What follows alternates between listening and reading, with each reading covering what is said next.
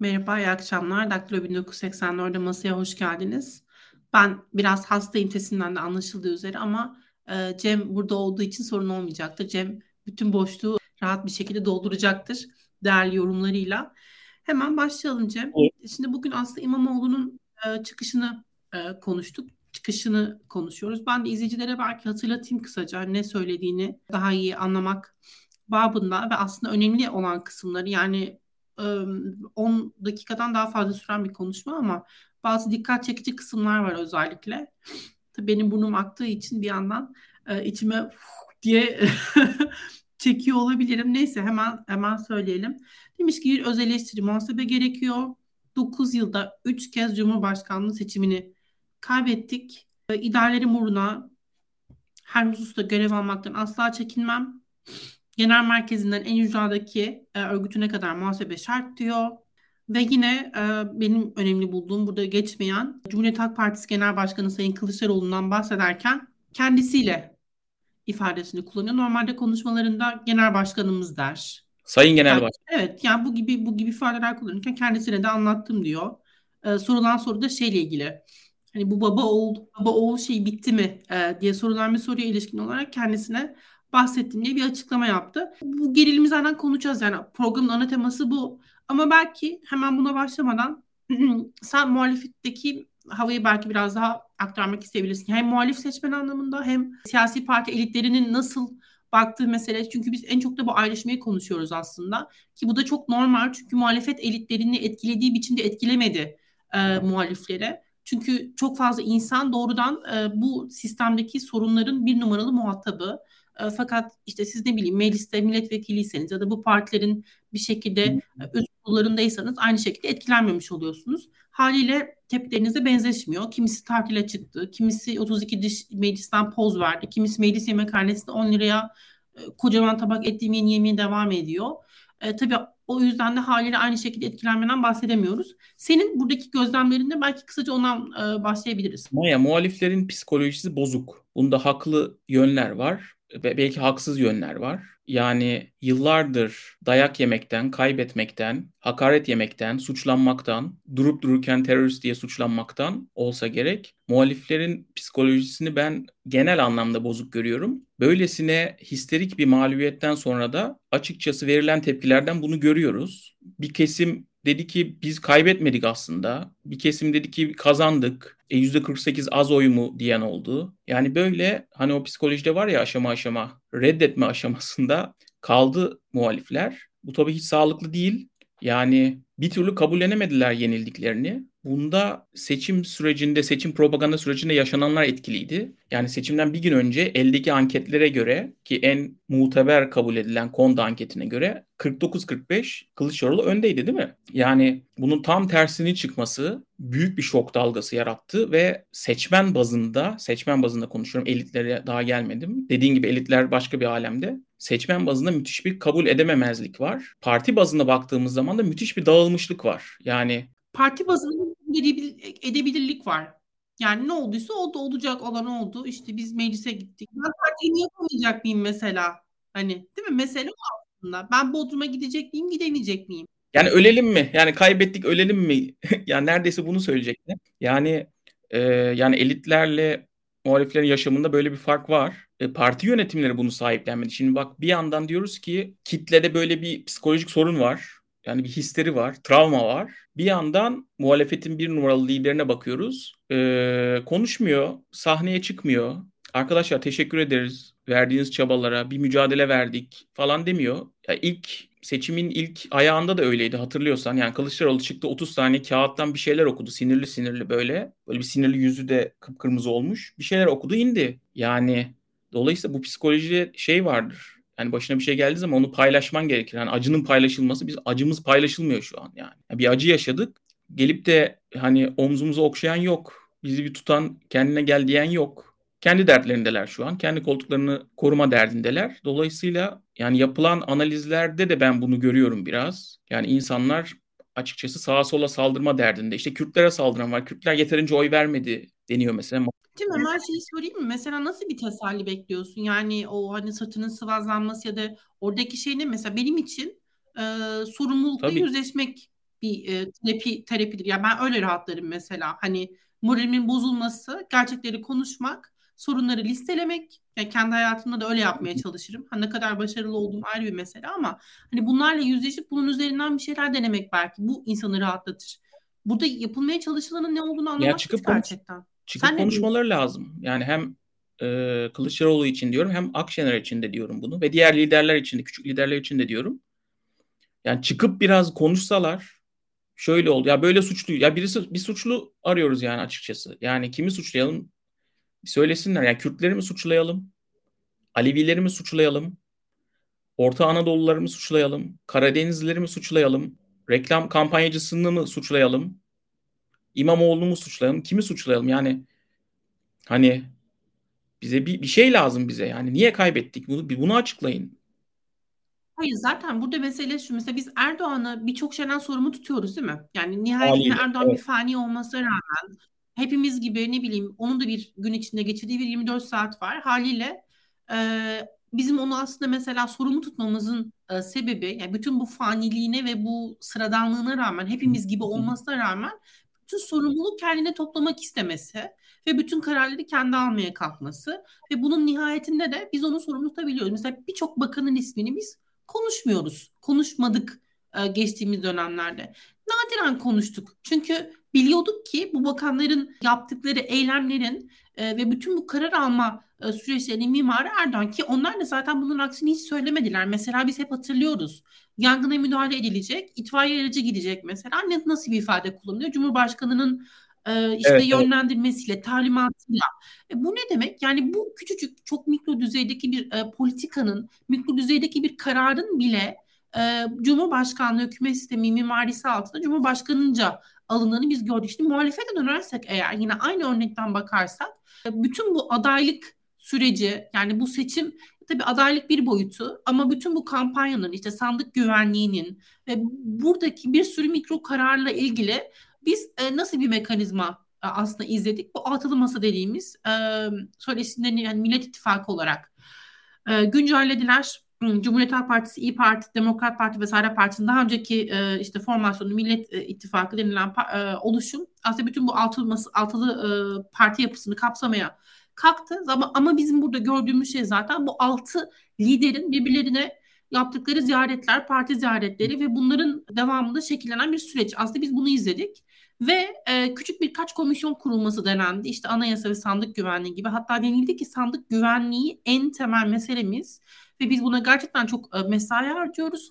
Ve hepimizin hani bu altı partiden e, birer temsilci bu işi gerçekten çok ciddi alıyorlar. Ve biz aramızda bir ittifak sağlayamıyor ol, olursak dahi e, sandık güvenliği o kadar güvende olacak ki. Çünkü biz hani bu, bu işe sarıldık gibisinden bir şey. Neyse uzatmadan ve dağıtmadan. Çok güzel, çok güzel bir konuya değindin yalnız bu söylediğin şeyle ilgili. Mesela Bakanlar Kurulu da açıklandı. Şunu gördüm yani pek çok muhalif böyle olumlu yaklaşıyor Bakanlar Kurulu'na. İyi oldu yani teknokrat isimler oldu, işlerini yaparlar gibi. Yani korkunç bir psikoloji bak açık konuşayım. Korkunç bir psikoloji. İşte Süleyman Soylu gitti, yerine başkası geldi. Tamam bunu anlıyorum yani Süleyman Soylu her gün toplumun belirli bir kesimini hakaret ediyordu, aşağılıyordu. Artık yani şu durumda muhalifler e, neyse her gün küfür yemeyeceğiz en azından falan. Bu büyük bir çaresizlik. Ona, ona gelelim de benim orada söylemek istediğim şey şurada aslında yani muhalefet partilerinin, muhalefet elitlerinin özellikle bu altı liderin, altı siyasi parti liderinin e, gerek işte adaylık gerek sandık güvenliği olsun gerek bu seçimle ilgili tüm kararların verilmesi süreci olsun böyle bir sorumluluğa giriştiler. Yani bu sorumluluğu alabilirsiniz. Daha iyi yapacağınızı söyleyebilirsiniz. Nihayetinde 6 kişinin e, koordinasyonuyla ilerleyecek bir süreç herhalde 300 kişinin koordine olmasıyla ilerleyecek bir süreçten belli açılarda daha hızlı olabilir. Daha erim, daha verimli ve efektif oldu mu meselesi ayrı bir yani olmadığını zaten görüyoruz seçim sonuçlarına baktığımızda. Ama her haliyle siz böyle bir sorumluluğu üstlenip sonrasında yok oluyorsunuz ortadan. Yani bu sorumlulukla hiçbir şekilde e, karşılaşmak, bununla ilgili bir hesap vermek e, şeyinden arınmak istiyorsunuz.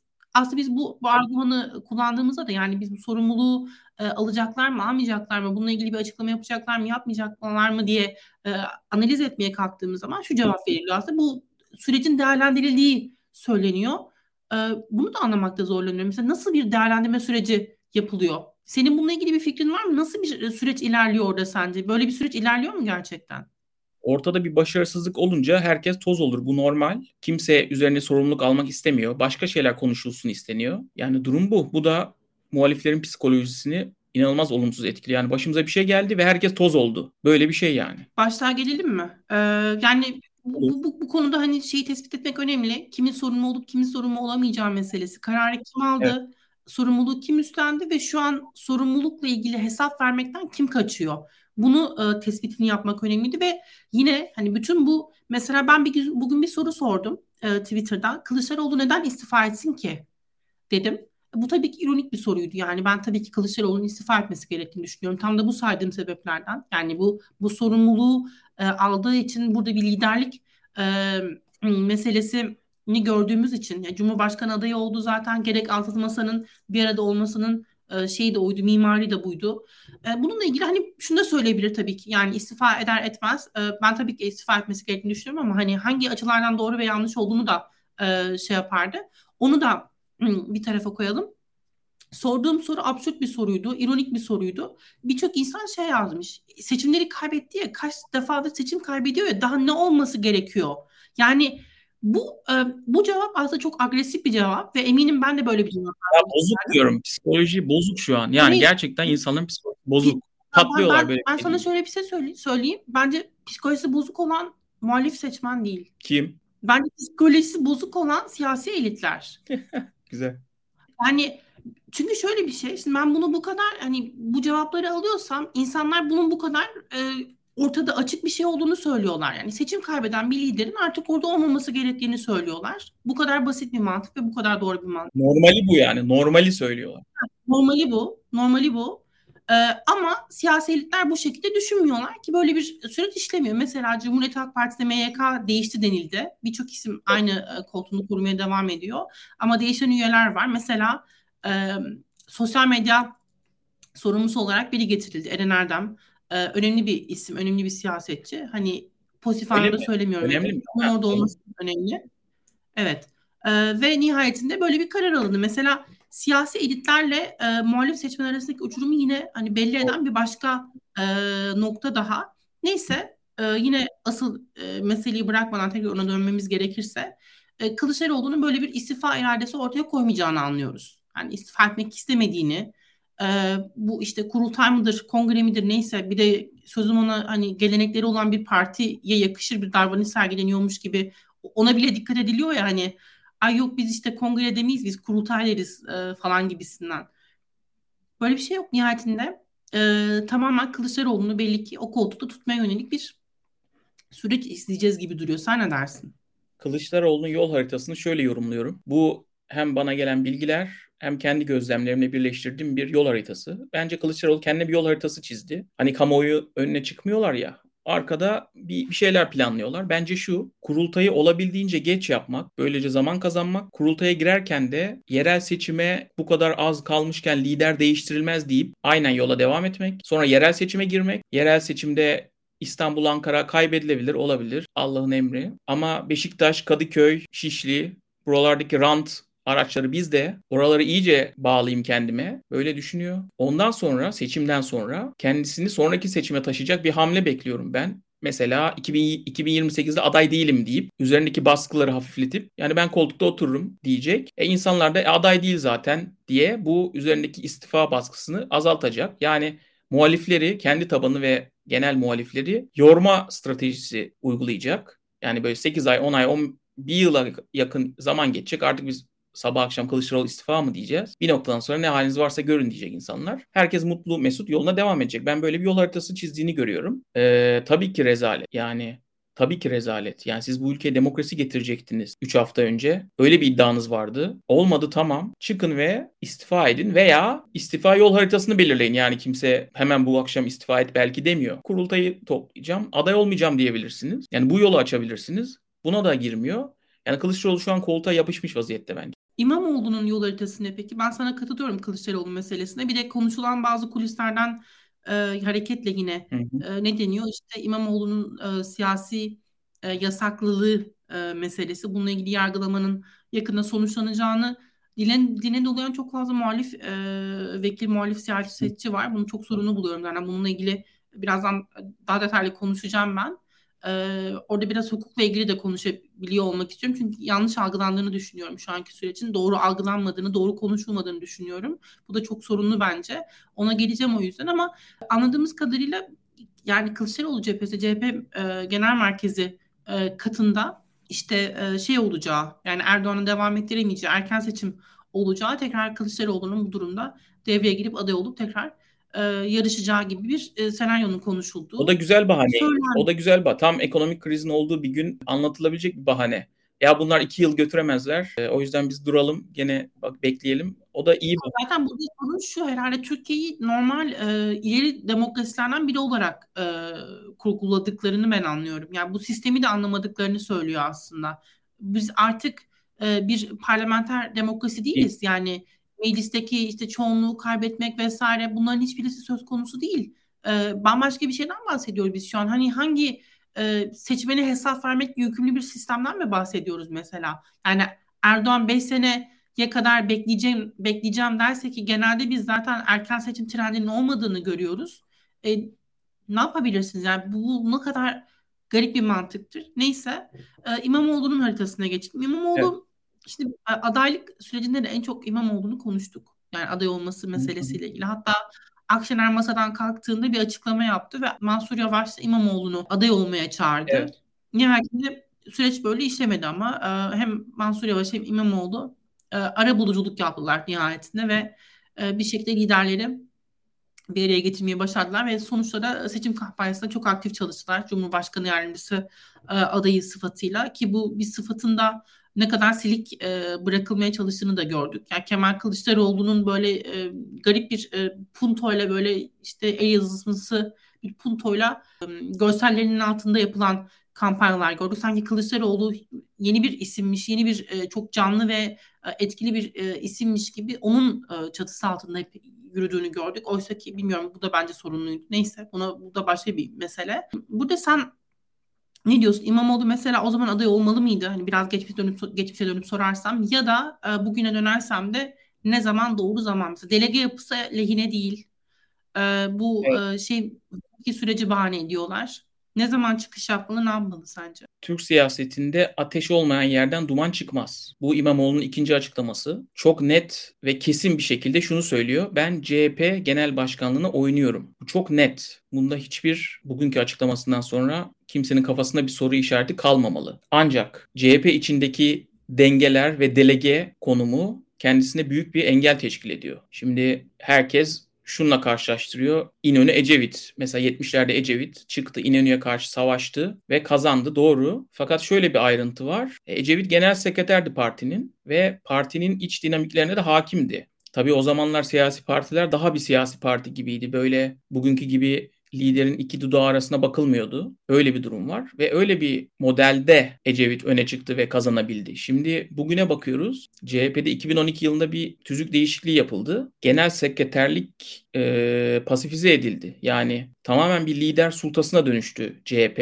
Bundan dolayı o yıldan beri ki 2012 bak yani 11 yıl olmuş. Kılıçdaroğlu'nun kesin delege hakimiyeti var. İmamoğlu'nun bu delege hakimiyetini delmesi şu an çok da mümkün gözükmüyor. Ancak şöyle bir denklem var. Burası çok önemli. İmamoğlu'nun önünde başka bir seçenek yok adım atacak. Yani hiçbir şey yapmadığı zaman İmamoğlu siyasi yasaklı olacak veya belediye seçimlerinde aday gösterilmeyecek veya belki belediye seçimlerini kaybedecek. Böyle bir durumda siyasi hayatının sona ermesi tehlikesiyle karşı karşıya. Yani İmamoğlu hiçbir şey yapmadığı zaman, risk almadığı zaman e, siyasi hayatı büyük tehlike altında. Bir hamle yaparsa, bir kavga verirse kendini öne atabilir, belki kazanabilir. Yani öyle bir denklem var ve bence bunu anladı veya anladığını umuyorum. Hiçbir şey yapmazsam benim siyasi hayatım bitecek. Bir adım atmam lazım, bir kavga vermem lazım. Kavgayı verirsem siyasi hayatım devam edecek. Bence kendisinin en büyük motivasyonu bu. Yani bu denklem onu ittiriyor baktığımız zaman. Peki bugünkü açıklamada itidallilik doğru bir doz mu? Yani şimdi şöyle bir şey yaptı. Ee, değişimi beklediğini söylüyor. Değişimi takip ettiğini söylüyor. Sürecin takipçisi olduğunu söylüyor. MYK'daki değişiklikten mutsuzluğunu ifade ediyor. Ve orada kendine aslında bir e, halk adına yani muhalif seçmen adına bir denetleyici rol çizdi. Mesela bugün de söyleyebilir ben adayım diye değil mi? Yani evet. burada bir e, satranç oynandığını görüyoruz aslında. Bir baskı kurulmaya çalışıldığını e, gözlemliyoruz ki MYK üyelerinin e, kompozisyonu ile ilgili de biz şunu konuşmuştuk aslında. Bazı üyelerin e, İmamoğlu'na yakın isimlerden seçileceğini bu olmadı. E, olan şey meclis grup başkan vekilliğinde e, Gökhan Günaydın'ın olması İmamoğlu'na yakın olduğunu evet. e, söylüyorlar. Biliyoruz diyelim artık. Ben bildiğimden değil de yani onun herkes aynısını söylediği için söylüyorum. Doğru olduğuna dayanarak, güvenerek. E, ve nihayetinde sadece sadece şu an İmamoğlu'na yakın olarak yani Cumhuriyet Halk Partisi üst yönetiminde diyebileceğimiz tek kişi Gökhan Günaydın diyebiliriz etkili olabilecek. Ve e, böyle bir manzara. Buradaki itidallilik e, yerinde mi? Doğru mu? Daha keskin ve sert çıkışlar daha mı e, hızlı sonuca vardırırdı? Sen ne diyorsun? Ben biraz daha doğru gittiğini düşünüyorum. Senin fikrini merak ediyorum ama. Orada sihirli bir kelime var cesaret. Yani İmamoğlu başından beri e, yeterince cesur olmamakla suçlanıyor. Şimdi o cesaret konusunu biraz açmak açmak istiyorum. Yani cesaret evet insani bir karakter özelliği. Bunu yatsımıyorum, bunu kenara koyuyorum ama siz elinizdeki silahlar maddi gücünüz, yapabilecekleriniz çerçevesinde cesur olursunuz. Anlatabiliyor muyum? Yani bir çalışan patronuna karşı eğer paraya ihtiyacı yoksa, çok maddi durumu sallantıda değilse patronuyla daha çok tartışmaya girebilir, daha cesur çıkışlar yapabilir ama çalışan yani çocuk sahibi bebek bezi parasını toplamaya çalışan bir çalışansa patrona karşı öyle diklenemez. Bu böyledir. Veya e, mesela toplumda baktığımız zaman ya zengin çocuğuysan şımarık olabilirsin Maya. Böyle bir şey var. Tamam mı? Böyle bir şey var. Yani sen elindeki güç neyse, yapabileceklerin neyse cesaret katsayında ona göre artıyor. Şimdi İmamoğlu konusuna gelirsek İmamoğlu'nun yaygın bir örgütü yok. Delege içinde ağırlığı yok. E bir siyasi hareketten gelmiş değil. Bir sivil toplum bir e, bir taban olarak baktığımızda güçlü bir taban görebiliyor muyuz? Ben görmüyorum. Karadeniz'e baksak Trabzonlu hadi oradan ne kurtaracak diye baksak ya o bir etken ama ya karşınızdaki rakip de Trabzon şey Rizeli, Karadenizli olduğu için oradaki oy oranları da belli olduğu için oradan da bir şey çıkaramıyor. Yani bu insanlar e, belirli parametreler üzerine cesaret inşa ediyorlar. Şimdi İmamoğlu veya ekibi delegelerle konuşmuyor mu? Tabii ki konuşuyor. E, nabız yokluyor. Yani böyle bir şey olursa kime yakın olursun? Böyle bir şey yapılırsa kime olursun? Demek ki güçlü sinyaller almıyor. Yani delege ağırlığı kendisinde olsa bu kadar itidalli olur muydu? Olmazdı. Ben adayım derdi. Hadi kurultaya yürüyoruz derdi. Yani orada elini kolunu bağlayan şey maddi anlamdaki güçsüzlüğü. Maddi derken parasal değil, e, siyasi güç anlamında konuşuyorum. Dolayısıyla başından beri yani e, adaylık sürecinden bugüne geliyoruz. Cumhurbaşkanlığı adaylığı sürecinden bugüne geliyoruz. İmamoğlu'nda çoğu kişinin cesaret eksikliği dediği şeyin temelinde aslında e, İmamoğlu'nun elindeki aygıtların gücünün zayıflığı aslında bunu konuşmak lazım. Şimdi mesela Spekülasyon tabii ki bu ama çoğu kişi ben de dahil şöyle düşünüyor. Eğer aday olsaydı Cumhurbaşkanlığına İyi Parti'den ikinci tura kalma şansı yüksekti. Seçimi kazanma şansı da yüksek. Ya tamam ben de böyle düşünüyorum. Ama bir yandan da şöyle bir durum var. Şimdi kendiniz olmayan partinin tabanı İyi Parti'ye dayanarak e, bir seçime gireceksiniz. İyi Parti teşkilatları çalışır mı? CHP'den kayma olur mu, olmaz mı? Bunların kaygısını yaşadı. Bunlara güvenemedi açıkçası. Ha güvenseydi ne olurdu? O orada bir cesaret işi var evet. Ama e, siyaset konuşuyorsak, bir siyasetçinin cesaretini konuşuyorsak, yani elinde ne var? Aygıt olarak ne var? Bunları da konuşmak lazım. Ben İmamoğlu'nun bu gücü kendisinde bulamadığı için yavaş yavaş işaret vererek dediğim gibi ne dediği çok net aslında. Çok net ama kelimeleri dikkatli seçerek, İmamoğlu'nu zorlayarak, e, toplumu bunu hazırlayarak, toplumu Kılıçdaroğlu'nu baskı yapmaya iterek bu yolu açmaya çalışacak diye düşünüyorum. Yani orada orada o cesaret... E, tamam delege yapısı delege yapısı lehine değilse ne cesaret edecek? Ne yapsın mesela? Bağımsız mı yürümeye kalksın? Ne yapmalı sence? Yani ne yapmalı konusu şöyle. E, CHP içerisinde böyle bir savaşa girmesi bir yerde zorunluluk demin dediğim gibi. Mesela girmese zaten bitiyor. Ha CHP'yi e, kazanamayacağı kesin diyebilirsin sen. O zaman seçime girip kaybedip ben yapmak istediklerimi burada yapamıyorum deyip farklı bir siyasi yola girmesi gerekecek. Durum bu.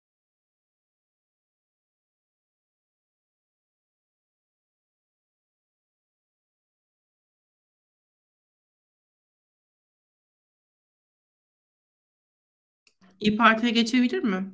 Yani İyi Parti işi de zor. İyi Parti işi de zor. Şundan dolayı. E, yani İyi Parti'nin aday olabilir. İyi Parti buna zaten e, istekli. Ama İyi Parti'ye girdiği zaman mesela ne olarak girecek? Yani Akşener koltuğu ona mı bırakacak? Akşener'in yanındakiler buna razı mı olacak? Yani ora, o alan spekülasyon ama spekülasyon olmayan alan şu. Şöyle bir denklem var tekrarlıyorum. Adım atmazsa adam bitecek. Bir şey yapmazsa adam bitecek. Bunu bunu görüyor İmamoğlu ve savaşacak. O zaman Rus ruleti diyorsun. Evet. Ya bazen yapmanız gereken hamleler vardır ve o hamle risk değildir. A risk alıyorsun, A cesaret gösteriyorsun değildir. Anlatabiliyor muyum? Tavlada vardır öyle. Kırık bazen kırman gerekir. Yani açık verip kırman gerekir. Yani yapman gereken hamledir. Şey değildir o. A risk aldı, niye açık bıraktı, kapı almadı diyemezsin yani. Rus tavlaya Sence Mansur Yavaş İmamoğlu diye hareket eder mi bu noktada? Valla Mansur Yavaş'ın siyasi ihtiraslarını nasıl görüyoruz? Ben görmüyorum. Sen görüyor musun? Ya bir ihtiras. Yani zamanında Bahçeli'ye mektup yazmış biri sonuçta. E, MHP'yi CHP'lileşmekle suçlamış bir e, siyasi aktör. Belki beğenmediği şeyler olduğunda aksiyon alabiliyordur. Aksiyon alabilecek durumdadır bilmiyorum. Ya ben orada o siyasi ihtirası görmüyorum. Ya da şunu, şunu söyleyeyim yani mesela Ankara halkı neden bir kez daha Mansur Yavaş'ı destekleyecek? Yeterince tırnak içinde milliyetçi biri varsa toplumun yani Ankara'daki insanların e, destekleyebileceği neden mesela Mansur Yavaş belki seçim seçilmeyebilir yani bu imkansız mı? Bilmiyorum. Tamam olasılık dışı görmüyorum ben. Hayır, imkansız olasılık dışı değil. Şu an gidişat o zaten. Evet. Yani İstanbul ve Ankara da AKP'ye geçecek. Şu an bu dağılmışlıkla e, ki AKP cephesi de bunu görüyor ve devamlı saldırıyor. Parantez açayım. E, ben İmamoğlu'nun açıklamalarının AKP'nin saldırmasına gerek yok ki. CHP'nin kendisi zaten. Yok, evet. Doğru. Şöyle bir şey söyleyeyim. Ben İmamoğlu'nun açıklamalarının göz ardı edileceğini düşünüyordum. Yandaş medya tarafından. Ee, hem bugün ekonomik kriz de var. Onun da etkisiyle olsa gerek. Tamamen İmamoğlu konuşuyorlar. CHP içinde kavga, CHP karıştı. Bakalım ne olacak? İmamoğlu ayaklanacak mı gibi. Ee, ekonomi şimdi bugün Euro dolar patladı onu konuşacaklarını CHP'nin içindeki kavgayı konuşmak daha iyi tabii de. Belli ki bu kavga yandaş medyanın da hoşuna gidiyor. Yani karşı taraf olabildiğince karışsın. Zaten amaç o yerel seçimlere kadar e, muhalefeti zaten dağıttık. İyice dağıtalım. Toparlanamasınlar. Birbirlerine girsinler. İstanbul ve Ankara'yı da alalım. Bu moddalar. E, bu modda devam edecekler. Ama şu, e, yani şu anki görünüm, şu anki görünüm e, iki şehri de AKP'nin al- alabileceği yönde. Yani sürpriz değil yani. Olan olabilecek şey o. Hı hı. Az önce de sorduğum şey tekrar geleyim. Ee, İmamoğlu'nun siyasi kariyeriyle ilgili konuşulan bir başka mesele de hukuki süreç evet. aslında. Ben e, bir hukukçu olmayan sana e, sormak istiyorum. Sen mesela süreci ne kadar takip ettin ve ne anladın? Çünkü burada işte dediğim gibi sana yayından önce de bazı yanlış e, anlaşılmalar var. Ben e, az önce Twitter'dan da işte İyi Parti'nin değerli eski milletvekili sanırım bu dönemde milletvekili olmasa gerek e, Hasan Subaşı. Ben Antalyalıyım. E, Hasan Subaşı da Antalya Büyükşehir Belediye o zaman Büyükşehir miydi Antalya emin değilim ama Büyükşehir'di muhtemelen. Belediye başkanlığı yapmış bir siyasi. Ben onun da yanlış düşündüğünü düşünüyorum ama kendim argümanımı açıklayacağım. Önce sen başla. Nedir bu? Ee, hem ne bildiğini, aynen ne bildiğini bir söyle sonra devam edelim onun üzerine. Yani işte Soylu ahmak dedi. İmamoğlu karşılık verdi ahmak diye. Bu sefer dediler ki sen YSK'ya ahmak dedin. Ondan dolayı ceza verdiler. Şu an istinafta yani ceza onandı. Şu an istinafta sınav onayını bekliyor. Zamanını da kendileri belirleyecekler. Yani yarın da olabilir. Bir yıl sonra da olabilir. Karar da tabii kendilerine kalmış. Bildiğim bu. Yanlış mı biliyorum? E, istinaf aşamasında olduğu doğru. Daha istinaf aşamasındaki süreç e, başlamadı. Ama e, yani pratikte e, hatta teoride de ya bu e, süreçlerin ne kadar zaman alacağı ile ilgili net bir şey yok ve yargının da vesayet altında olduğunu düşünürsek e, çok kısa süre içinde böyle bir kararın çıkabileceğini e, hı hı. konuşuyoruz.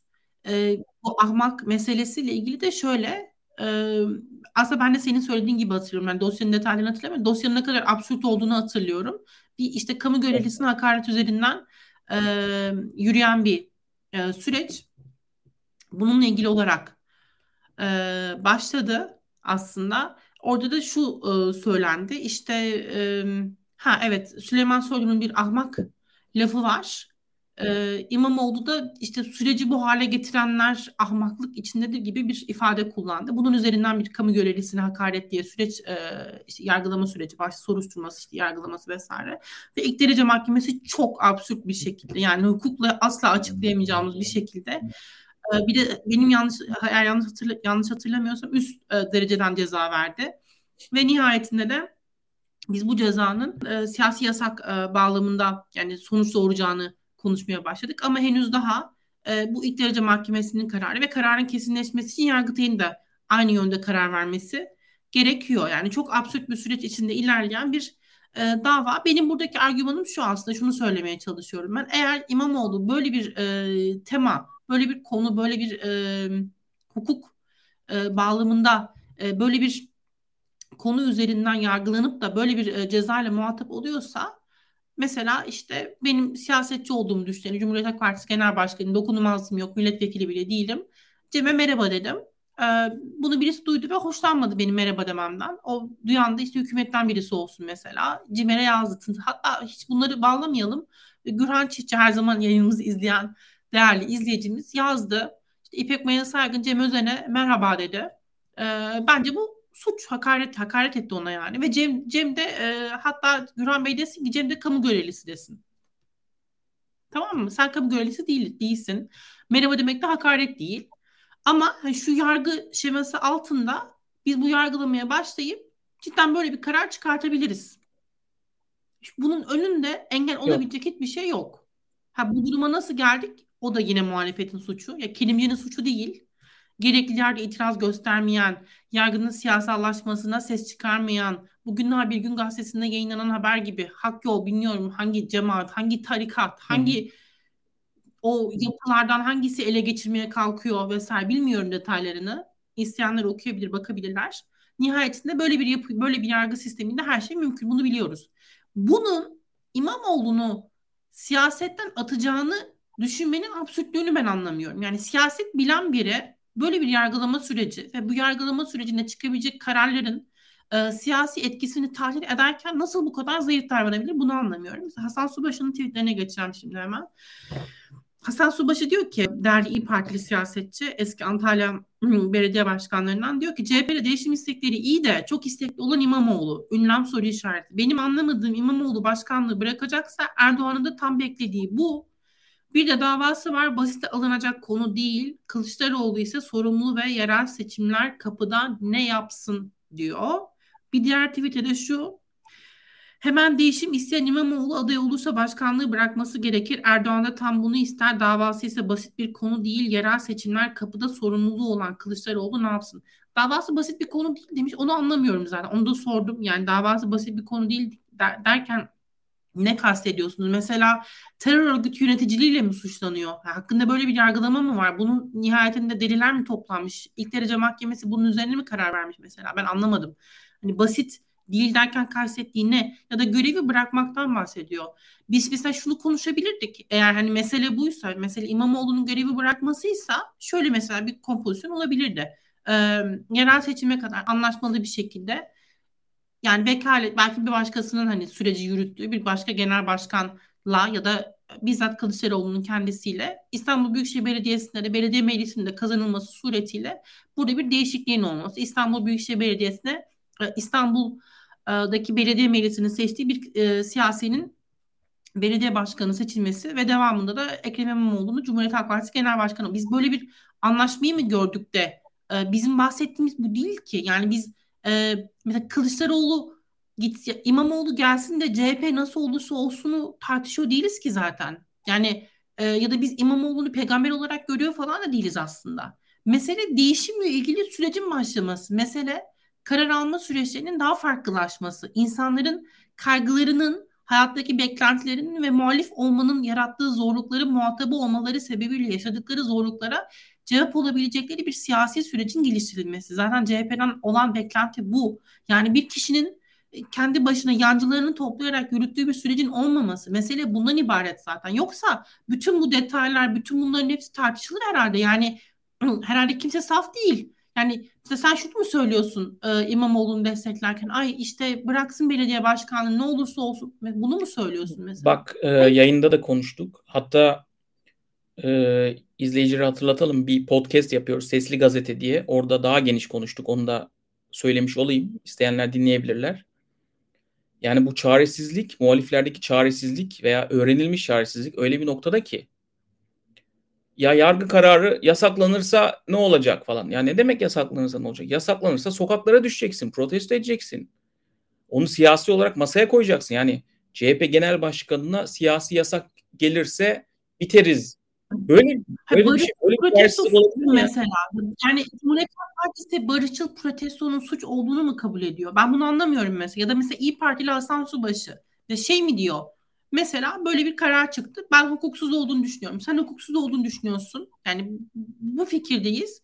Hep birlikte mesela miting yapıyoruz, atıyorum. Ya da toplanıyoruz, sokakta yürüyüş yapıyoruz, pankart Ya açıyoruz. bak Canan Kaftancıoğlu biliyorsun siyasi yasak aldı ama İstanbul İl Başkanlığı'nı pratikte götürüyor. Mesela öyle bir çözüm buldular.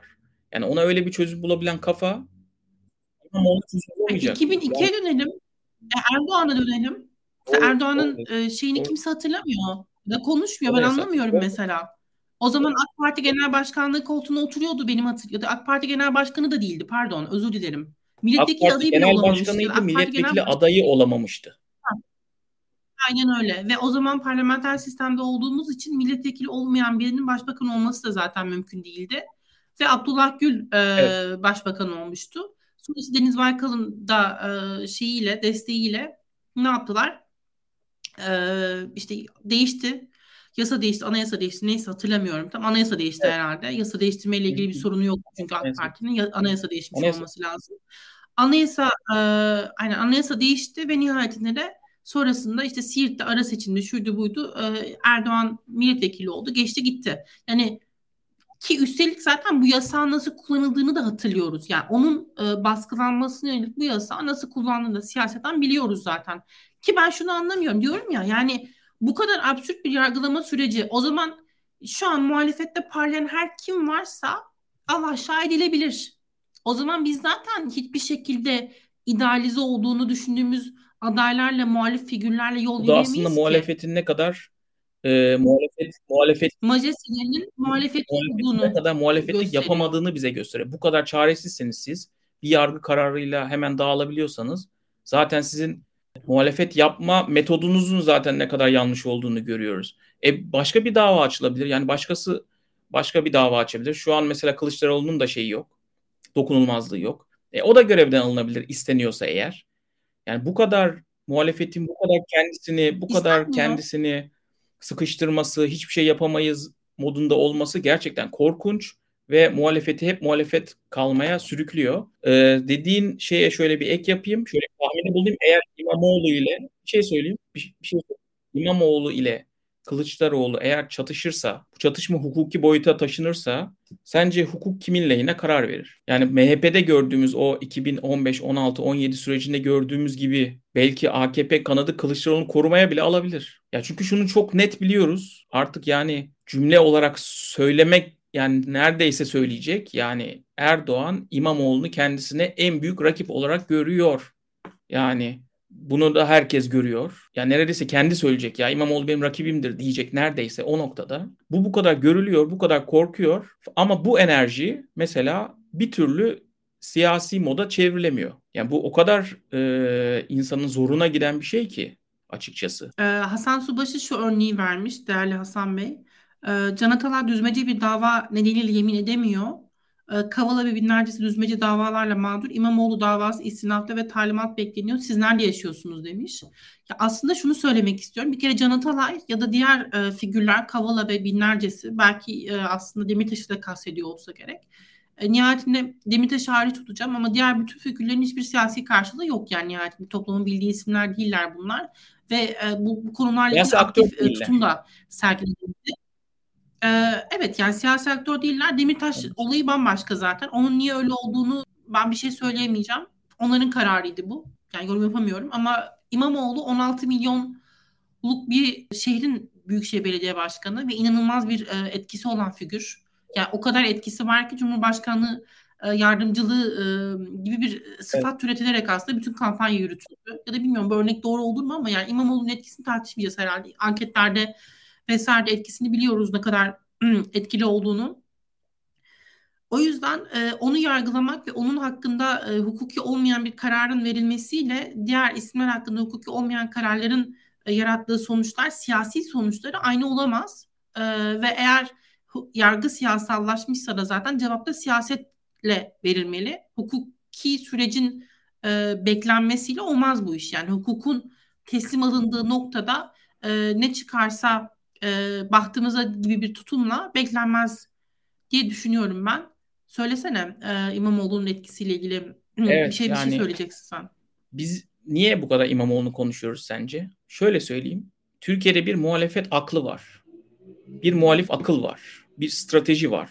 Bizim Daktilo 1984 de bunun bir parçası. Ee, diğer pek çok kurum, kuruluş, medya organı, YouTube kanalı da bunun bir parçası. Orada bir medya, e, bir stratejik akıl var, bir muhalefet aklı var. Bu akıl şu. Ya Türkiye doğru düzgün yönetilsin. Kurallara dayalı, yasalara dayalı, kişilere bağımlı olmadan doğru düzgün yönetilsin. Ha siyasi görüşlerimiz, siyasi yaklaşımlarımız farklı olabilir ama bu siyasi yaklaşımlarımızı tartışacak bir zemin bile yok şu an. O yüzden bu zemini sağlayacak kim varsa, hangi mekanizma varsa ona destek olmalıyız, onu öne çıkartmalıyız ve Türkiye'nin normal bir demokratik, normalize olmuş bir demokratik ülke olmasını sağlamalıyız. Bence muhalefet aklını en çok temsil eden kişi İmamoğlu. Yani bu bakış açısını sağlayan kişi İmamoğlu. Yani İstanbul'u yönetirken bunu zaten görüyoruz. Yani Kılıçdaroğlu mesela 74 yaşında artık insanların dertlerini, önceliklerini e, anlayacak noktadan biraz uzak. Yani konuşmalarından da onu görüyoruz.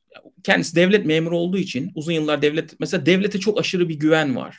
Devleti yeniden devleti yeniden e, kuracağım. Devleti yeniden e, eski gücüne kavuşturacağım, etkiline kavuşturacağım. Devamlı oralarda geziniyor mesela ama muhalef bugün muhalif akıl aslında bunları istemiyor. Başka şeyler istiyor.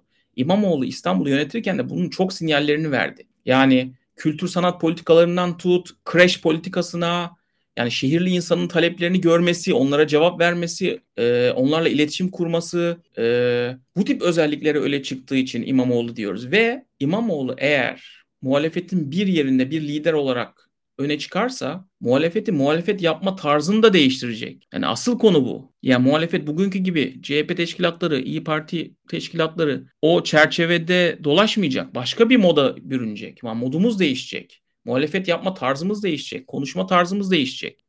E, orada o aklı temsil ediyor İmamoğlu. Yeri geliyor laf sokuyor. Yeri geliyor e, slogan buluyor. Ya bak her şey çok güzel olacak sloganı. Yolda buldu ya. Yolda. Birisi söyledi. Onu öne çıkarttı.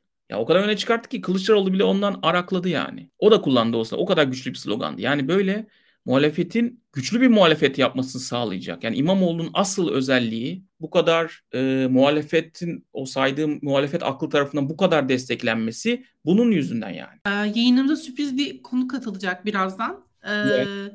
Hatta söyleyeyim Adem Sözler, e, Profesör Doktor Adem Sözler katılacak. İmamoğlu e, davasında da kendisinin e, evet. yine mütalası e, vardı. Ee, onun hemen süreçle ilgili bilgilerini alıyor olacağız birazdan. Ben de şimdi bir yanıyla e, yayına katılım sürecini organize Süper. etmeye çalışıyorum. O yüzden Cem'in biraz daha devam, devam etmesini isteyeceğim aslında yine bu e, meseleyle ilgili. Sorayım Yok. mı?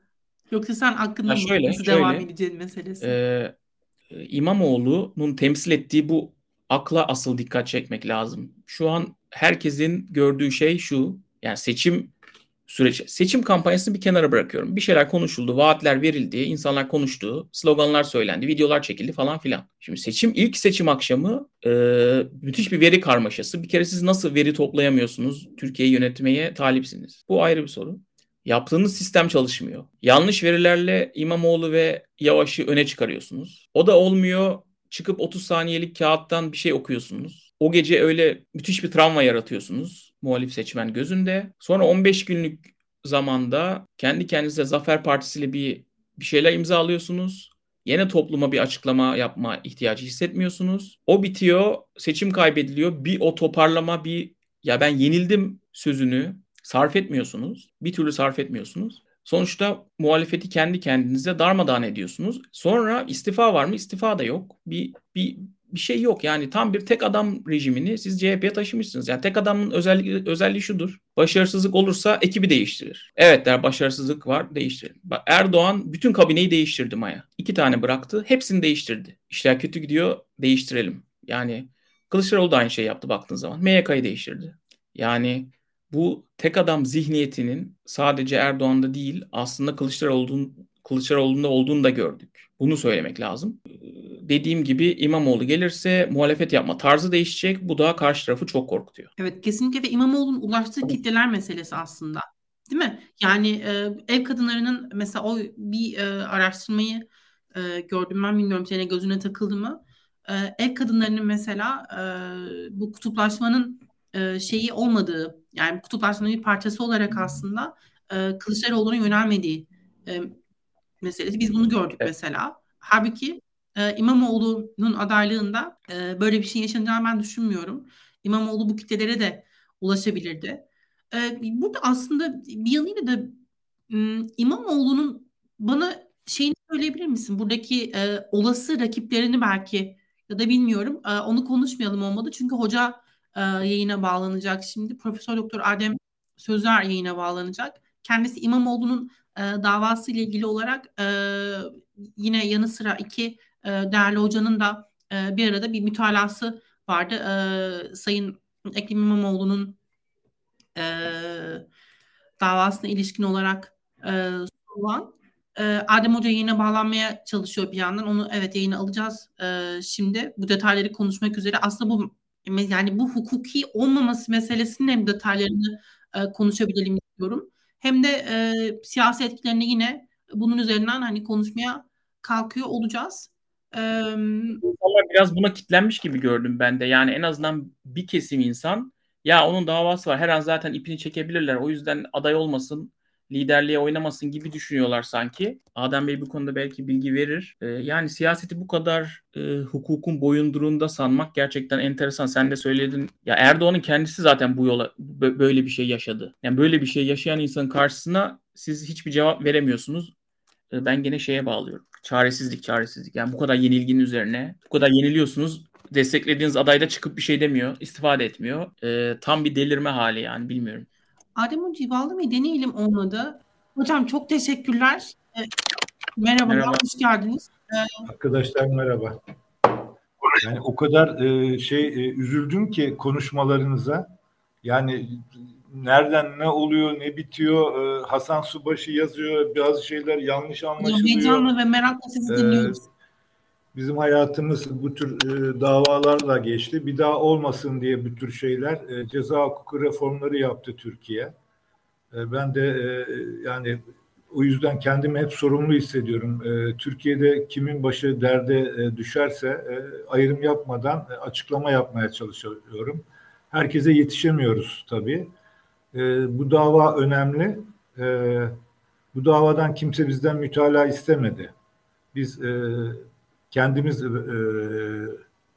durumdan vazife çıkarıp e, mütalaa verdik. Sebebi de çok e, basitti. E, Profesör İzzet Özgenç ve Ahmet Gökçen e, biz üçümüz de Türk Ceza Hukuku reformuna katılan insanlardık. Ve aynı zamanda ben Profesör İzzet Özgenç'le birlikte Recep Tayyip Erdoğan e, mahkum olduğu meşhur bir konuşma şiir vardı Ziya Gökalp'in. E, o dava sürecinde de mütalaa vermiştik. E, siyasi yasaklar sürecinde de e, tabii ki e, ceza hukukunun kötüye kullanılması e, siyasi amaçlarla Türkiye'de çok e, sık oldu. O yüzden bu reformlar e, yapıldı. E, fakat maalesef e, geldiğimiz noktada e, bu reformların hepsi rafa kalkmış durumda. Ve Türkiye e, bütün bu süreçte neden şikayet ediyorsa e, en önemlisi ki bu ceza hukukunun kötüye kullanılması e, siyasi amaçlarla o sürece e, tekrar e, geldik e, maalesef. Şimdi mesela en basiti Can Atalay e, meselesi. Aslında e, yani çok e, açık bir konu. E, e, Mustafa Balbay kararı var e, Anayasa Mahkemesi'nin. Başka kararları da var. Yani o kararlar uygulansa e, zaten e, serbest bırakılması lazım. Ama e, bakıyoruz ki bırakılmıyor. Yani e, Tabii burada e, ben bir şeyden korktum. Zannettim ki Türkiye işçi partililer hatta bu e, Can Atalay'ın bırakmasını bırakılmamasını eleştiren e, milletvekilleri açlık grevine başlayacaklar. Ortalık birbirine karışacak diye çok büyük bir endişe yaptım Allah'tan hepsi gitti. Arkadaşları e, şeydeyken cezaevindeyken yemin yaptılar. Böyle e, aşırı bir tepki e, duymadılar. E, halbuki benim e, kanaatim bu tür konularda hani hiçbir şey olmuyormuş gibi davranıldığı için e, bu şekilde e, hukuka aykırılıklar devam ediyor. Şimdi e, bunun temeli nereden? Yani İmamoğlu değil mesele. Yani İstanbul seçimlerinde e, ne zamanki e, Anadolu Ajansı e, verileri vermeyi durdurdu. aslında e, o zaman e, ciddi bir e, e, hukuka aykırılıklar süreci, zinciri başladı. E, daha sonra biliyorsunuz e, çok büyük iddialar ortaya atıldı. İşte terör örgütleri e, işte sandıklarda var, e, örgütlenmeler var. Hani tabii ki devletin yetkili makamları açıkladığı için insan e, bu konuda herhalde bir şeyler de vardır belki diye düşünebilir ama bunların hiçbirinden bir şey olmadığı, e, sandıklarla ilgili hiçbir şey olmadığı da ortaya çıktı. Yani bu iptal kararı biliyorsunuz o da çok ilginçti. Bir zarftan çıkan işte e, dört oy geçerli sayıldı. Sadece İmamoğlu için çıkan oylar geçersiz sayılıp iptal edilmişti Yüksek Seçim Kurulu'nda ve Türkiye'de bütün hukukçular bu Yüksek Seçim Kurulu kararının hukuka aykırı olduğunu söylendi. Daha sonra işte ikinci seçim yapıldı iptalden sonra. Onun da sonucu belli oldu. Sonucu belli oldu ama bu e, şey devam etti yine e, bu söylemler işte terör örgütleri var. E, bugün de devam ediyor. Hiç somut bir şey olmadan. Sonra meşhur bu ahmak sözcüğünün kullanılması geliyor. Yani Avrupa Konseyi'nde zannediyorum bir ziyaret var. Oradaki Türkiye ile ilgili aslında demokrasi, hukuk devleti, işte teröre karşı ortak tavırılmasını gerektiği konusunda İmamoğlu bir konuşma yapıyor. Daha sonra İçişleri e, Bakanı o dönemin bu konuşmaya atfen işte ahmak sözcüğünü kullanıyor. Bu soruluyor. E, bunun üzerine de hani o sürece e, atıfta bulunarak hani bu seçimlerin iptal edenler ahmaktır derken yani burada aslında kurumu da şey yapmıyor. Üstelik yani hani kurumun yaptığı e, hukuka aykırılık çok da ağır kelimelerle de ifade edilebilir. E, neyse bu tartışmadan sonra birdenbire Yüksek Seçim Kurulu ki hepsi değil bazı üyeleri karşı çıkıyor. E, bir suç duyurusunda bulunuyor. Zaten o suç duyurusunda bulunulduğu zaman meselenin nereye gidileceği anlıyor. Biz de onu bildiğimiz için İzzet e, ve Ahmet e, birlikte yani ön isimlerini söylüyorum arkadaşlarım olduğu için. Hani meselenin nereye gideceği belli oluyordu. Bu şeyde insanlar hani e, şunu düşünüyorlar. Hani bir sanki bir yargılama yapılmış da onun sonucu bir karar verilmiş. Hayır bu sadece belki Almanca bilinenler e, bilir Schau proses diye bir terim vardır Almancalar. Yani görüntüde dava. Yani hakim var davada, savcı var, avukat var. Hani sanki bir dava gibiymiş gibi görünüyor ama aslında daha önce karar verilmiştir. Bu da öyle bir dava maalesef. Biz bunları 28 Şubatlarda da görmüştük. E, paralel yapının e, Türkiye'de e, mahkemelerde özellikle özel yetkili mahkemeler davalarda görmüştük. Yani kararlar önceden veriliyor. E, sonuç belli. Ben bunlara tünel bakışlı dava diyorum. Yani tünelin sonunda e, aslında kişi orada tren üzerinden geçecek ama tüneldeki herkes zincirde yer alan herkes zaten e, suçlu damgasını vuruyor. Süreçte çok ilginç bir şey oldu. Birdenbire hakim değişti. Yani aslında hakim zaten öyle bir dava sürerken hani bir kararname falan çıkar değişir de öyle değişmiyor. Sadece o hakim değişiyor. Yani zaten bu tabii hakim ilkesine kaydı değil mi? Anayasadaki en temel ilke yani davaya bakarken hakim değiştirilmez. Ondan sonra yani şöyle bir e, görüş o zaman ortaya çıkmış. Demek ki bu hakim istenen kararı vermeyecek. E, evet öyle oldu. Yeni gelen hakim e, ki aslında o da hakaret davalarına bakıyordu ama e, belki de hayatında e, baktığı hakaret davalarının hiçbirinde böyle bir hapis cezası verilmemiş. Fakat o e, davada e, siyasi yasağa getirecek ölçüde bir e, hapis cezası verdi ki yani uygulamada da hani e, bu görülmemiş bir şeydir. E, yani kendi şeyinde de uygulamamış. E, ve uygulamada da böyle hakaretten dolayı bu kadar hani üst sınırdan verelim. Yani gerekçeleri de e, birbirinden maalesef e, şey. Aslında hakim tabii çok ilginç bir şey var. Diyor ki e, işte e, şeyden sonra da dava açıldıktan sonra da diyor İmamoğlu konuştu diyor. Ama dava açıldıktan sonra İçişleri Bakanı'nın videosu var. Yani ne kadar ağır suçlayıcı, yargıyı yönlendirici ve diğer bütün e, şeylerin efendim yetkili makamların yani hiç onlara demiyor ki ya kardeşim hani şey var değil mi? Adil yargılamayı etkileme diye bir suç var. O zaman suç duyurusunda bulun bu kişiler hakkında. Yani e, hani hiçbir hukuk kuralını uygulamayıp yani sadece ben mahkum etme düşüncesiyle hareket eden e, bir karar. O yüzden e, biz de bu şey mütalayı yazdık verdik.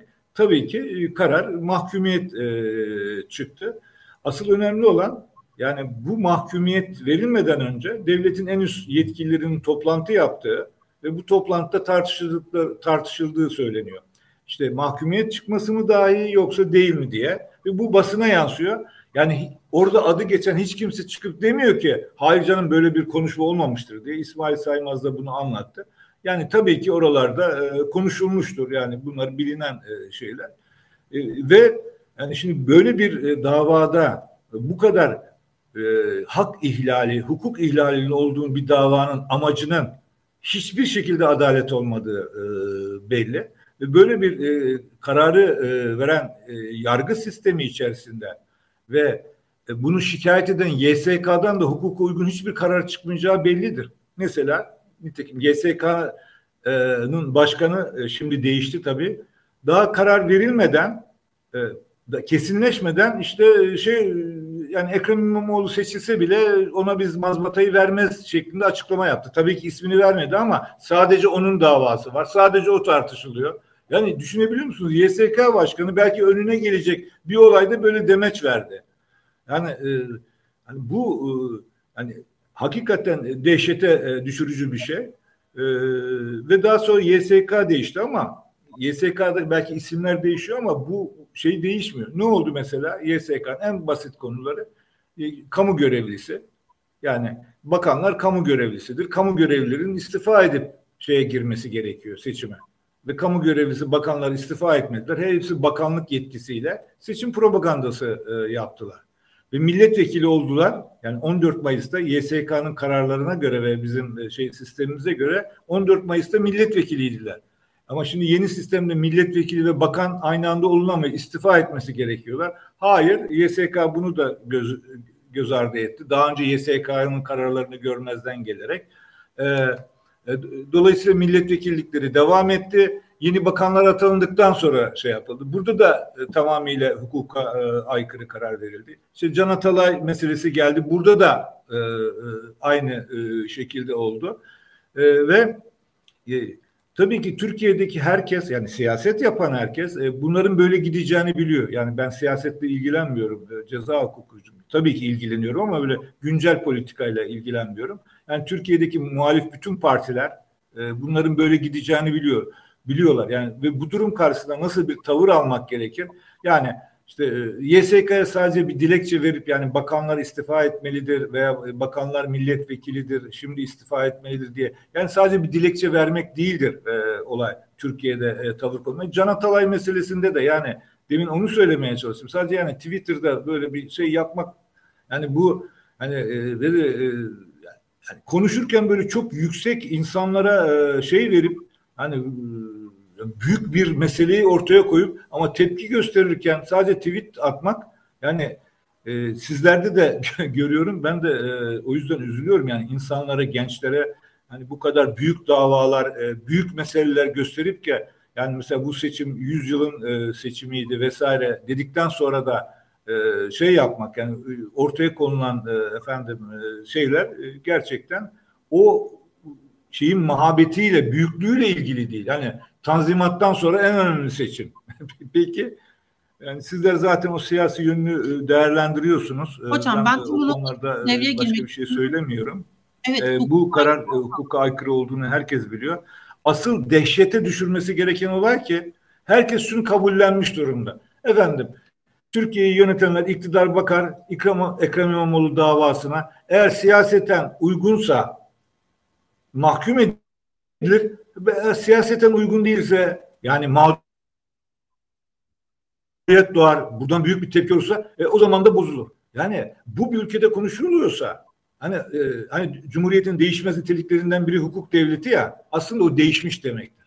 Yani şunu ortaya koymamız lazım. Bazı şeylerin anayasada yazılı olması demek yani onların hani değişmez maddeler diyor. Hayır o maddeler değişiyor işte böyle. Yani orada yazıyor gerçekten ama yani o fiiliyatta olmadığı zaman yani onun değişmezliğinin bir anlamı yok. O sadece bir şey içerisinde. Dediğim gibi bir ülkede davaların sonucu böyle konuşuluyorsa ve bunlar da olağan karşıla e, Hocanın interneti takıldı. E, dolayısıyla yani oradaki hukuk devleti ve dolayısıyla demokrasi. E, ha, evet bir ara kesildik. Böyle e, ortaya koyuyorum e, meseleyi. Dolayısıyla hani e, bu davanın e, bütünüyle ceza hukukunun kötüye kullanılmasının çok tipik bir e, örneği. E, bu ancak e, totaliter rejimlerde e, olabilecek dava e, türleridir. Yani bizim e, ülkemizde hiçbir şekilde e, yani anayasasında böyle var. Görünüşte çok e, partili hayattayız ama hani ne zaman ki kişilerin siyasi hakları ceza hukukuyla engellenir, orada artık hukuk devleti ilkesi hayata geçmiyordur. Çünkü o zaman siz belirleniyor, belirliyorsunuz kim aday olacak, kim aday olmayacak ve bunu ceza hukukuyla yoluyla yapıyorsunuz. O zaman ne yani yargı bağımsızlığı da o zaman gördüğünüz gibi aslında e, şeye e, hani büyük ölçüde ortadan kalkmış görünüyor. Halbuki yani klasik başkanlık sisteminde biliyorsunuz hani erkler ayrılığı, e, kuvvetler ayrılığı çok sertti. Burada yani böyle bir şey de e, söz konusu değil. E, o yüzden e, yani nasıl siyasi tepki konulur onu bilinmez ama e, Türkiye'de e, bu meşhur e, Recep Tayyip Erdoğan'ın e, bir e, şiir nedeniyle siyasi e, haklarının yasaklanması ve daha sonraki gelişmelerden bu toplum e, ders almalı. E, maalesef bu e, haksızlığa uğrayanlar hiçbir ders almadıkları görülüyor. Ama diğer toplumun diğer kesimleri e, ders almalı. E, Türkiye'de bir kişiye yapılan e, mesela şimdi Avrupa İnsan Hakları Mahkemesi kararları da uygulanmıyor. Yani Avrupa İnsan Hakları Mahkemesi diyor ki yani siz bunu siyasi amaçlarla uyguluyorsunuz. Kavala için, Demirtaş için. Yani biz bunlara muhatabız. Şimdi hani Avrupa İnsan Hakları Mahkemesi'nin kararlarını yerine getirmek hem anayasa hem kanunlarımız gereği bir zorunluluk. E, dolayısıyla hani e, biz bir bakıyoruz ki bazı e, yanlış kararlar veriliyor bilinçli olarak, bazı kararlar uygulanmayarak yani belli insanların siyaset yapma haklarını da engelliyoruz. İşte e, Can Atalay'ın da aslında siyaset yapma hakkını e, engelliyoruz hakkında bir hüküm yoksa. Şimdi durum böyle olunca yani en temel haklar bakımından bu kadar vahim bir durum olunca yani e, gerçekten de yani hangi partinin hangi yönetim organının değişip değişmemesinin ötesinde bir e, ciddi e, mesele e, var e, ortada. E, dolayısıyla e, bu kadar e, vahim bir tablo karşısında tekrar bu toplumun hukuka dönmesi için, hukuk devleti ilkesinin hayata geçmesi için gerçekten çok farklı bir tavır ve yol izlememiz lazım. Bunu sadece yani muhalefet partilerine oy vermiş olanlar için söylemiyorum. İktidar partisine oy vermiş veya destekleyenler için söylüyorum. Çünkü hukuk güvenliğini bir kere bu kadar ortadan e, kaldırırsanız yani hukuk önemsizleştirip sadece kendi siyasi amaçlarınız için kullanırsanız ve bunu olağanlaştırırsanız yani bu hiç kimseye e, fayda getirmez. E, işte yani ekonomiyle vesaireyle bir takım konuşmalar var. Yani hukuk güvenliğinin olmadığı bir yerde e, ekonominin de ne kadar önemi olur bunu bilmiyorum maruzatım bundan e, itibaren e, ibaret. E, size iyi yayınlar diliyorum. Ben sizi zaten e, takip ediyorum e, olabildiğince. E, bir şey soracaksanız e, cevap vermeye gayret edin. Şimdi siyasetle ilgili cevap vermek istememenizi anlarım. Ee, ama şeyi şeyi anlamak anlamında ve altını çizmek anlamında aslında bu hukuka aykırılıkların e, bir şekilde uygulamada, pratikte e, yaygınlaşması ve kabullenilmesi meselesi. Orada mesela ironiyle söylediğinizi anlıyorum ben. E, Türkiye İşçi Partisi milletvekillerinin, üç milletvekilinin hiçbir şey yokmuşçasına yemin etmeleri, Can Atalay örneğinde ya da İmamoğlu davası ile ilgili işte benim az önce bahsettiğim sizin yayına katılmayı hemen teklif ettiğiniz Hasan Subaşı'nın tweetleri ve İmamoğlu davası ile ilgili bazı siyasilerin, bazı muhalif siyasilerin çıkardığı sonuçlar ve burada sanki e, bu sebeplerden dolayı İmamoğlu'nun hiçbir şekilde e, ne genel başkanlık belki hatta yerel seçimlerde başkan adayı bile olmamasının gerektiğine varacak e, siyasi yorumlarla karşılaşıyoruz. Şimdi hukukla siyaset birbirinden bağımsız şeyler değil. Hele ki e, Türkiye'de hele ki böyle bir e, demokratik sistem tırnak içinde kurgulayışı etrafında. İşte buradaki doğru tavır aslında hukuku korumak için ne olmalı, nasıl bir e, aktive e, olunması süreci yaşanmalı ki siyasiler tarafından bu hukuki e, aslında bir yandan da iktidarın norm belirleme gücünün elinden alınması gerekiyor bu noktada. Çünkü e, bizim demokratik rejimlerde bahsettiğimiz şey aslında bu erklerin e, birbirinden ayrı olması ve diğerinin işine burnunu sokamıyor olması nihayetinde. Fakat biz bu hukuk aykırılıklarla görüyoruz ki aslında tam da bu oluyor. Yani bu birbirinin işine burnunu sokma hatta tek bir e, erkin diğer erklerin işine burnunu sokması halini görüyoruz ve burada aslında e, şey koptu mu artık? Kayış koptu mu? Ya bunun geri alınmasının şansı var mı ve nasıl yapılmalı meselesi? Bununla ilgili ne söylersin onu merak ediyorum. Tek bir örnek vereceğim. Ee, şimdi geçen hafta Polonya'da büyük bir yürüyüş yapıldı. Gösterildi. 20 ilde ve Varşova'da. Varşova'dakine de yarım milyon kişi katıldı. Peki niye yapıldı bu gösteri? Ee, şunun için yapıldı. Ee, Polonya parlamentosunda bir e, tahkikat komisyonu kuruldu ve muhalefetin e, liderine yasak getirme. Bu neden kuruldu? E, zannediyorum 2010 yılında tarihini yanlış hatırlayamayabilirim. İşte e, İkinci Dünya Savaşı'nda işte Polonya askerlerinin öldürülmesiyle ilgili binlerce Polonya askerinin öldürülmesiyle ilgili bir anma gününe gidiyor. Polonya'daki bütün üst makamlar, e, Cumhurbaşkanı da dahil olmak üzere belki hatırlayacaksın o uçak düşüyor e, ve e, Polonya Cumhurbaşkanı dahil devletin birçok üst yetkilisi ölüyor. E, şimdi aradan yıllar geçtikten sonra iktidar partisi diyor ki şu andaki muhalefetin lideri o zaman yetkili bir konumdaydı. Burada Ruslarla işbirliği yapmış olabilir ki e, yani muhalefetin lideri de işte e, Avrupa Parlamentosu'nda işte e, şey yapmış yani Liberal Demokrat Parti'den biri yani, olabilir ve yıllardır da iktidar bu parti bu arada yıllardır ortaya bir şey çıkaramıyorlar. Şimdi seçimlerden 2-3 ay önce bunu ortaya atıyorlar. Şimdi buna karşı yani meşru bir şey var. Meşru yolda herkes buna hayır dedi. Walesa vardır. Biliyorsunuz Polonya'daki büyük işte dayanışma hareketinin lideri ve daha sonra seçimde Cumhurbaşkanı olmuş. O da katıldı. Yani herkes e, katıldı ve bir hayır dediler. Şimdi Türkiye'de ise herkes e, bu gibi konularda ortak bir e, tavır koymuyorlar. Mesela bu, bu şeyin e, kararından sonra e, Saraçhane'de büyük bir toplantı oldu biliyorsunuz. Ondan sonra ve ortaklaşa bir tepki koyulmuştu. Ama daha sonra bu barışçıl yani hukuk devleti ve demokrasi içerisinde birçok imkan hiçbiri kullanmadı. Ee, yani ondan sonraki gelişmeler e, orada kesildi ve bu itirazlar yaygınlaşmadı. E, ve dolayısıyla tam aksine yani e, yani siyasetçiler televizyonlara çıkıp ama işte Ekrem İmamoğlu'nun bir e, davası var. Halk da bunu bilmiyor. Yani bundan dolayı olmaz. Ama kimse ya neden olmaz? Yani siz ne yapıyorsunuz bu olmazlık için bir sorgulama şeyine girmiyor. O zaman da herkes yani parti içi veya parti dışı siyasi rakiplerinin bu şekilde e, hukuk dışı yollarla tasfiye edilmesini meşrulaştırmış e, o, oluyor. Yani burada ne İmamoğlu ne efendim e, efendim işte Selahattin Demirtaş, Can Atalay birey olarak bunların siyasi görüşleri doğruluğu, yanlışlığı önemli değil. Burada herkesin ortak e, olması gereken bir hukuk devleti zemini var.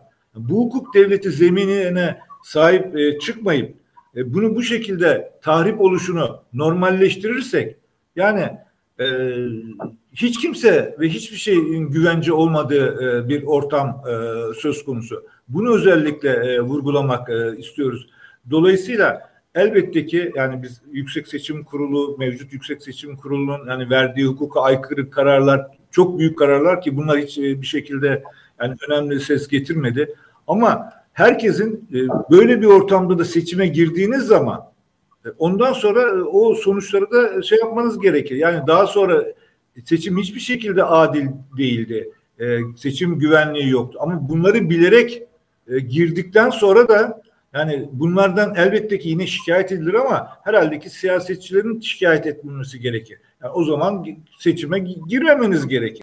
Asıl büyük hayal kırıklığı e, şey seçmenlere dürüst davranılmaması. Yani bu büyük e, sonuçlu çok büyük önemi büyük e, seçimdeki kaybedişin gereklerinin anlatılmaması, herkes kendini e, aldatılmış e, hissediyor. Yani e, büyük bir e, yangın e, var, e, büyük bir e, işte deprem var ama yarın her şey hayat normalmiş gibi devam ettiği için herkes e, büyük bir hani e, şeyi tabirle söyleyeyim şok içinde. Yani o büyüklükle, o büyük sarsıntıyla önemli e, bağdaşmayan bir şey var ortada. Evet e, yine hepimiz e, herkes yemin etti. işte hayat devam ediyor. Buna insanlar çok öfkeli ve bu anlaşılabilmiş değil. Ve ben siyaset bilimcisi de değilim, şey de değilim yani bilmiyorum ama şundan yani herkes emin olabilir. Bu büyük öfke, üzüntü, e, hayal kırıklıklarının bir sonraki seçime yansımaması diye bir şey söz konusu olamaz.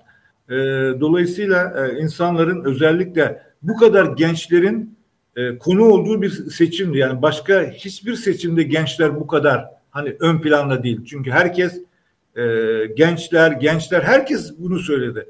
Ama şu anda gençler adeta bir e, e, obje konumunda olduklarını hissediyorlar. Yani e, bir e, amaç, e, bir gerçekten onlara bir değer olduklarını değil de sadece seçimler için bir obje konumuna indirgenmiş bir varlık olduklarını hissediyorlar ve o yüzden de öfkeleri daha büyük e, haklı e, olarak e, umutsuzlukları da daha büyük. Seçimler her kaybedilebilir, e, yanlışlıklar yapılabilir ama bunlar e, samimi olarak ortaya konur e, ve gereği yapılır yapılmasını bekliyordu herkes. Bu e, henüz e, yapılmadı. Yapılmayacağı da anlaşılıyor Cem'in yorumlarından anladığım. Yani şöyle bir şey. Şimdi ben de bakıyorum işte bir parti şey açıklıyor işte ilçe seçim kurulları, il seçim şeyleri, kongreleri yapılacak. Kongre ne zaman? Cem ne zaman yapılacak kongre? Parti meclisi Bunda. e, Bunda. Kurultay. Efendim? Bunda. Kurultay. Bunda. Ya, kurultay işte. Yani. Hani şimdi tabii yani hani nasıl bir e, takvim bu? Anlatabiliyor Yani e, insanlara karşı dürüst davranmıyoruz. Ee, yani e, ben öğrencilerime hayatımda ilk defa video çekip Instagram'da işte e, sandığa gidin, oy kullanın, Türkiye gönüllerine oylarınıza sahip çıktınız. O yüzden çıkıp sorumluluk hissederek buralarda her mecrada söylüyorum. Yani biz bu insanlara, gençlerimize bunları söyledikten sonra şimdi hiçbir şekilde e, yani makul, mantıklı hiçbir e, öz eleştiri yapmadan ve onlara dürüstçe şey davranmadan işte yani ilçe kongreleri yapılacak, il kongreleri yapılacak. Ben yani en önemli parti ana muhalefet olduğu için söylüyorum. Ve ondan sonra da e, genel kurultay ya da kurultay yani istediğimiz zaman yapılacak. Ve ondan sonra yani e, bu şeylerden yani insanlardaki e, bu e, tepkinin e, boyutlarının ne olabileceğini e, tahmin edemiyorlar mı onu bilmiyorum. E, biz hukukçular e, en üzülen taraftayız. Sebebi de şu. Yani bir doktor düşünün binlerce hastası var ve hiçbir şey yapamıyor. Yani biz hukukçular da yani düşünün de yüzlerce binlerce ihlal oluyor, ihlal oluyor. Aslında yani Türkiye Cumhuriyeti'ndeki kanunlar e, Almanya'dan da farklı değil. E, yani Avrupa Birliği'nden de farklı değil ama onların hepsi rafa kaldırılmış durumda. O yüzden e, üzülüyoruz. E, mesela ben İzzet Özgenç arkadaşımın da e, adını vereyim mesela onun Twitter hesabında da bakın. Yani böyle birkaç kişiyiz bunlara e, gerçekten e, itiraz eden ve itiraz etmeye devam eden. Onun sebebi de yani büyük bir e, e, üzüntü e, duruyoruz. Yani her gün yani hukuka böyle bir bıçak saplandığı zaman kendimize saplanmış gibi hissettiğimiz için e, yani sesimizi e, duyurmaya e, gayret e, ediyoruz. Evet, e, size iyi yayınlar. E, ben yine izlemeye e, devam edeceğim. Ama hukuk mücadelesi, hukuk uğraşı asla mesaiye bağlı e, bir şey değildir. E, yani biz bu uğraşımıza e, devam edeceğiz. Dileriz Türkiye'de siyasetle uğraşılanlar da yapılması gerekeni yapar ve insanlara ümit verirler. Yani seçim kazan kaybetmek yani olumsuz bir şey olabilir ama o kayıptan daha çok e, insanların e, güvenini e, kaybetmek, e, o kayıpların yerine getirilmesi çok zordur. O yüzden gençler gençler diyenlerin biraz gençlerin sesini duymasını e, buradan rica ederim. İyi geceler, çok sevgi ve selamlar. Hocam çok teşekkürler katıldığınız için, yorumlarınız için. Çok değerliydi gerçekten. Çok teşekkürler. Evet, Adem Hoca adeta hukukçu olarak bir çığlık attı. Yani artık bu işlerin bu kadar normalleştirilmesine, herkesin bunu kabul etmesine, biz de bazen hani siyasi yorum yaparken işte İmamoğlu'nun siyasi davası var deyip e, basitçe ifade ediyoruz ama aslında onun gerisinde bütün hukuk sisteminin katledildiğini görüyoruz. E, o yüzden önemliydi katılması. Ya aslında Adem Hoca'nın bahsettiği şeyler şu açıdan önemli. Ne zaman e, hangi itirazların e, siyaset kanadı tarafından e, kayda geçirici kayda geçirileceği nasıl e, eylemler e, nasıl bir e, nasıl ifade edelim onu e, aksiyon alınacağı meselesi. Mesela benim aklıma ilk gelen ve çok önemli bulduğum Enes Berberoğlu'nun e, serbest bırakılmadığı zaman milletvekili seçilmiş olmasına rağmen serbest bırakılmadığı zaman e, Kemal Kılıçdaroğlu'nun adalet yürüyüşünü yapması. Adalet yürüyüşünün etkilerini tartışırız yine ama bu bir sınırdı. Yani ben milletvekilimi evet. e, sen oturup da hukuka aykırı bir şekilde cezaevini tutamazsın. E, tutuklu tutamazsın. E, serbest bırakman gerekir iktidara gösterdi ve sınırı çizdi mesela. Ama bu sınır bugün Can Atalay'da mesela çizilemiyor. E, hocanın vurguladığı yine çok önemli şekilde. E, burada tabii kimi suçlamak isterseniz onu suçlayın ama hepsini suçlayabilirsiniz isterseniz. Hepsi, yoksa de partideki isimleri suçlayabilirsiniz. Ben çok sorunlu buluyorum bu iznin verilmesini iktidara ve burada yeterince o çizginin çekilememesi meselesini. Bu çok önemli çünkü bu tür e, küçük e, meseleler bir bakmışsınız sonra bambaşka noktalara gelmiş. Bir kez hukuk delindiğinde aslında e, onun nereye gideceğini kesiremiyorsunuz. İnsanlar bunu birazcık şey popülist buluyorlar. Ama o iş öyle değil bana sorarsanız. Yani popülist şöyle buluyorlar. Mesela hep denir ya hani e, sıra sana da gelecek. İşte buna ses çıkarmadın bak sıra sana da gele, gelecek meselesi. Yani orada bir gerçeklik var. Yani o kendimizi soyutlama şansımız kalmıyor. Çünkü o küçük grupların e, elimine edilmesiyle bir bakmışsınız o desteği de kaybettiğiniz aslında siz de küçük bir grup kal- olarak kalmış oluyorsunuz. O devasa güç karşısında ve e, bu özellikle Ekrem İmamoğlu davası noktasında bu gerçekten hukuki olarak hoca da açıkladı zaten detaylarıyla hiçbir e, hukuki bağlamda açıklanamayacak türden bir e, ilk derece mahkemesi kararı verildi. Daha isnafı var bunun, yargıtayı var ama siyasilerin sanki bu karar kesinleşmişçesine bugünden e, bunun üzerinden aksiyon almaya çalışmaları ve buna göre İmamoğlu'nu aslında siyasi arenadan dışlamaya kalkmaları kötü niyetli. Ya bunu çok e, hani kibar bir şekilde ifade edelim, bu e, basit bir şekilde ifade edelim. Kötü niyetli ve e, siyasi rekabetle ilişkilendirmenin doğru olduğunu düşünüyorum ben de. Biraz orada Adem Hoca'ya katılıyorum ve e, bunun kesinlikle buna kesinlikle fırsat verilmemesi gerektiğini düşünüyorum ama yine burada da en büyük e, aksiyon alacak olan kişi İmamoğlu olacak. O söyleyecek. E, ona destek verenler de e, o aksiyonu alıp e, çevresinde kümelenecek ve ona destek olacaklar. O da buna yakışır şekilde bir siyasi tutum alacak ki e, siyasi yolculuğu doğru yerlere doğru gitsin. Birazcık burada wishful thinking de var. Bakalım göreceğiz neler olacağını. Benden bu kadar. Cem senin eklemek istediğin bir şey varsa ekleyelim. Sonra da kapatalım. Muhalefetin muhalefetin muhalefet yapma tarzını değiştirmediğimiz sürece bu kısır döngü devam edecek. Bunu artık anladık. Bu tarzı değiştirmek isteyen insan da gene bu kısır döngü tarafından e, dışlanıyor. Bu bir düzenek var, bir düzenek var. CHP MYK'sına bakarsan kimin kaç yıldır milletvekili olduğunu, kimin kaç yıldır e, e, bu döngüde yer aldığını görebilirsin zaten. Herkes de görüyor. Bu döngünün bozulmasını istemiyorlar. İktidar da istemiyor, muhalefet de istemiyor. E, biz de bunu bozmaya çalışacağız. Çok teşekkürler Cem e, yorumların için. Adem Hoca'ya çok teşekkür ederim tekrar. E, yayına az önce katıldı. Değerli yorumlarını paylaştı bizimle İmamoğlu davası e, genelinde daha özel e, noktalara da değindik aslında. Hukuk devleti olmanın gereklilikleri üzerine ve siyasetin aslında nasıl e, cevap vermesi gerektiği üzerine tekrar teşekkür edelim. Bizim için de sürpriz oldu aslında. Hocanın kendi inisiyatifiyle bizim de çok böyle heyecanlanarak yaptığımız bir iş oldu. Güzel bir yayın oldu. Tekrar te- çok teşekkürler. Herkese izleyenlere de teşekkür edelim. Lütfen beğenmeyi, paylaşmayı unutmayın. Görüşmek üzere.